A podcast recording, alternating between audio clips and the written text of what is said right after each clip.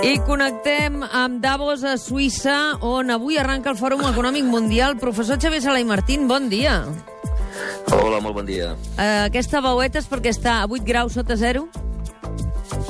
Sí, estem a, a 8 sota zero i a més no, no sé si tinc massa bona connexió, però, però suposo que això explica la veueta, sí. A part de polítics i economistes, qui més hi ha en aquest Fòrum Econòmic? A veure, aquest fòrum, com sempre, la gent es pensa que és una cosa d'uns quants rics allò manipulant el món, però és un fòrum on hi ha tot tipus de conferències, hi ha 200 i pico, em sembla, i sobre qualsevol, sobre tot tipus de temes que van des de l'exploració marina o de l'espai, eh, art, eh, ahir, per exemple, va haver-hi una entrevista amb l'Andrea Bocelli, i també, que després va fer un concert, després també hi ha medicina, eh, vindrà el doctor Baselga a parlar sobre les últimes investigacions en el tema del càncer, o fins i tot eh, un tema, un tema que, que segur que li agrada a la, a la vostra eh, nutricionista de capçalera, que és l'alimentació, diu, que es titula L'alimentació és la nova medicina, eh, que a més està dirigida per aquesta sessió pel Joan Roca del sí. de Can Roca. És a dir, hi ha tot tipus de, tot tipus de tot sessions. Tipus de... A més, òbviament, hi ha els polítics i, i, i també hi ha els economistes. Però no hi ha eh, el president del govern espanyol, Mariano Rajoy. Hi ha Merkel, hi ha Renzi, hi ha Hollande, i no hi ha Rajoy, no? No, no ha vingut mai el Rajoy, em sembla. Curiós, uh, això. Va, va.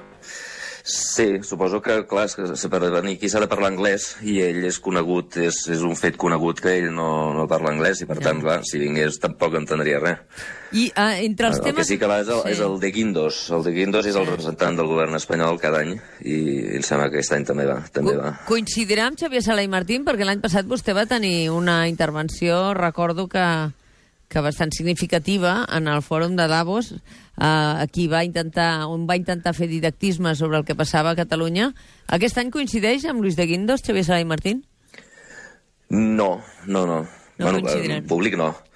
En públic no, segurament ens trobarem pels passadissos, però, però en una sessió pública no, no.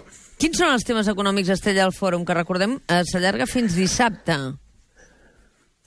A veure, hi ha diversos temes, eh, diguem, grossos, eh? O sigui, dins de cada tema hi ha, hi ha, hi ha molts subtemes, però el, un dels principals temes és uh, la innovació. Eh? Hi ha molts empresaris de les noves tecnologies i, òbviament, es debatrà o s'intentarà esbrinar com la innovació doncs es tra transforma no només diferents indústries, sinó com canvia les relacions laborals.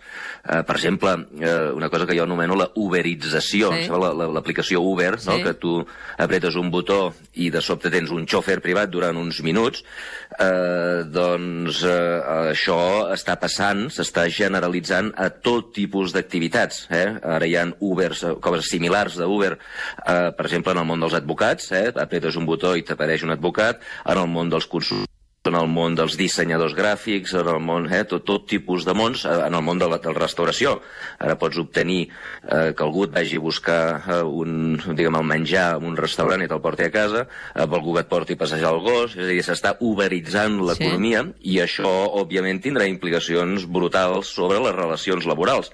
Molta gent, en lloc de tenir una feina fixa durant 8 hores, doncs es, es, es convertirà en, en, en freelance, no?, amb, una, amb un telèfon mòbil, amb una aplicació i el aniran cridant a diferents hores del dia i òbviament això, diguem, serà bo per la gent que vol tenir una vida flexible, serà dolent per la gent que vol tenir una vida estable amb un, amb un contracte fix, mm. eh, però en qualsevol cas, si bo o sigui dolent, és el que està passant, és el que passarà i per tant s'ha d'analitzar. Una altra implicació de, la, de les tecnologies és la seguretat. Hem vist l'espectacle dels hackers amb Sony o amb el Departament de, diguem, de, de Defensa dels Estats Units. Eh, això òbviament tindrà implicacions sobre totes les nostres vides i també és una cosa que s'analitzarà. Per tant, la tecnologia, la innovació, eh, un any més està al centre de tots tipus de debats, des d'econòmics fins a seguretat.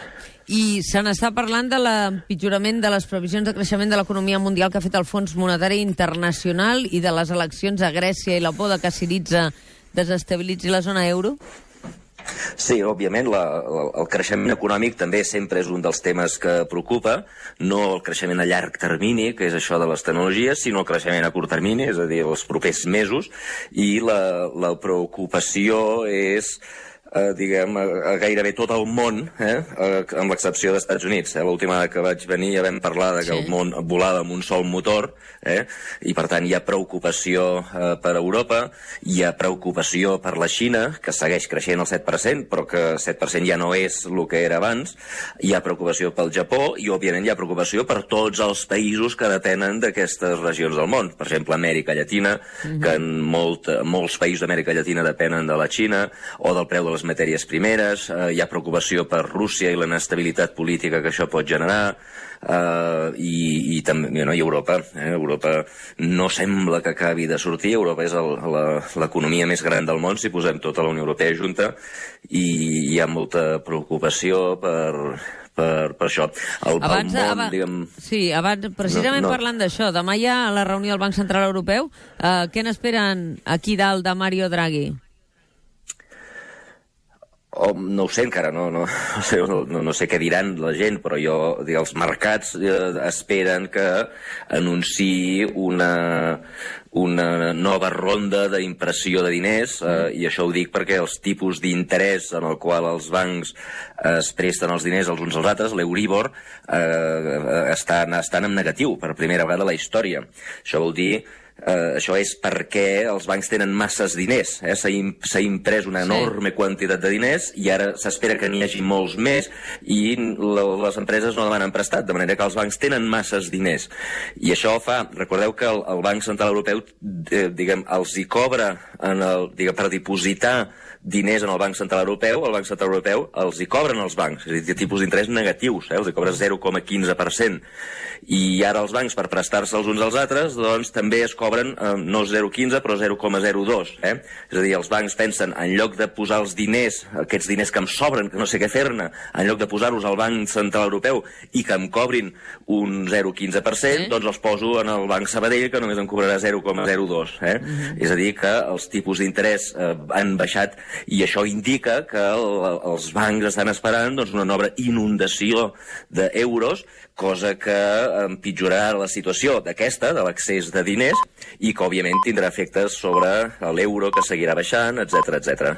Xavier Sala i Martín, moltes gràcies per fer-nos l'anàlisi en l'informe d'aquesta setmana des de Davos. Que vagi bé, l'estarem amatents al que dona de sí que Gràcies, bon dia. Que tingui un bon dia. A reveure.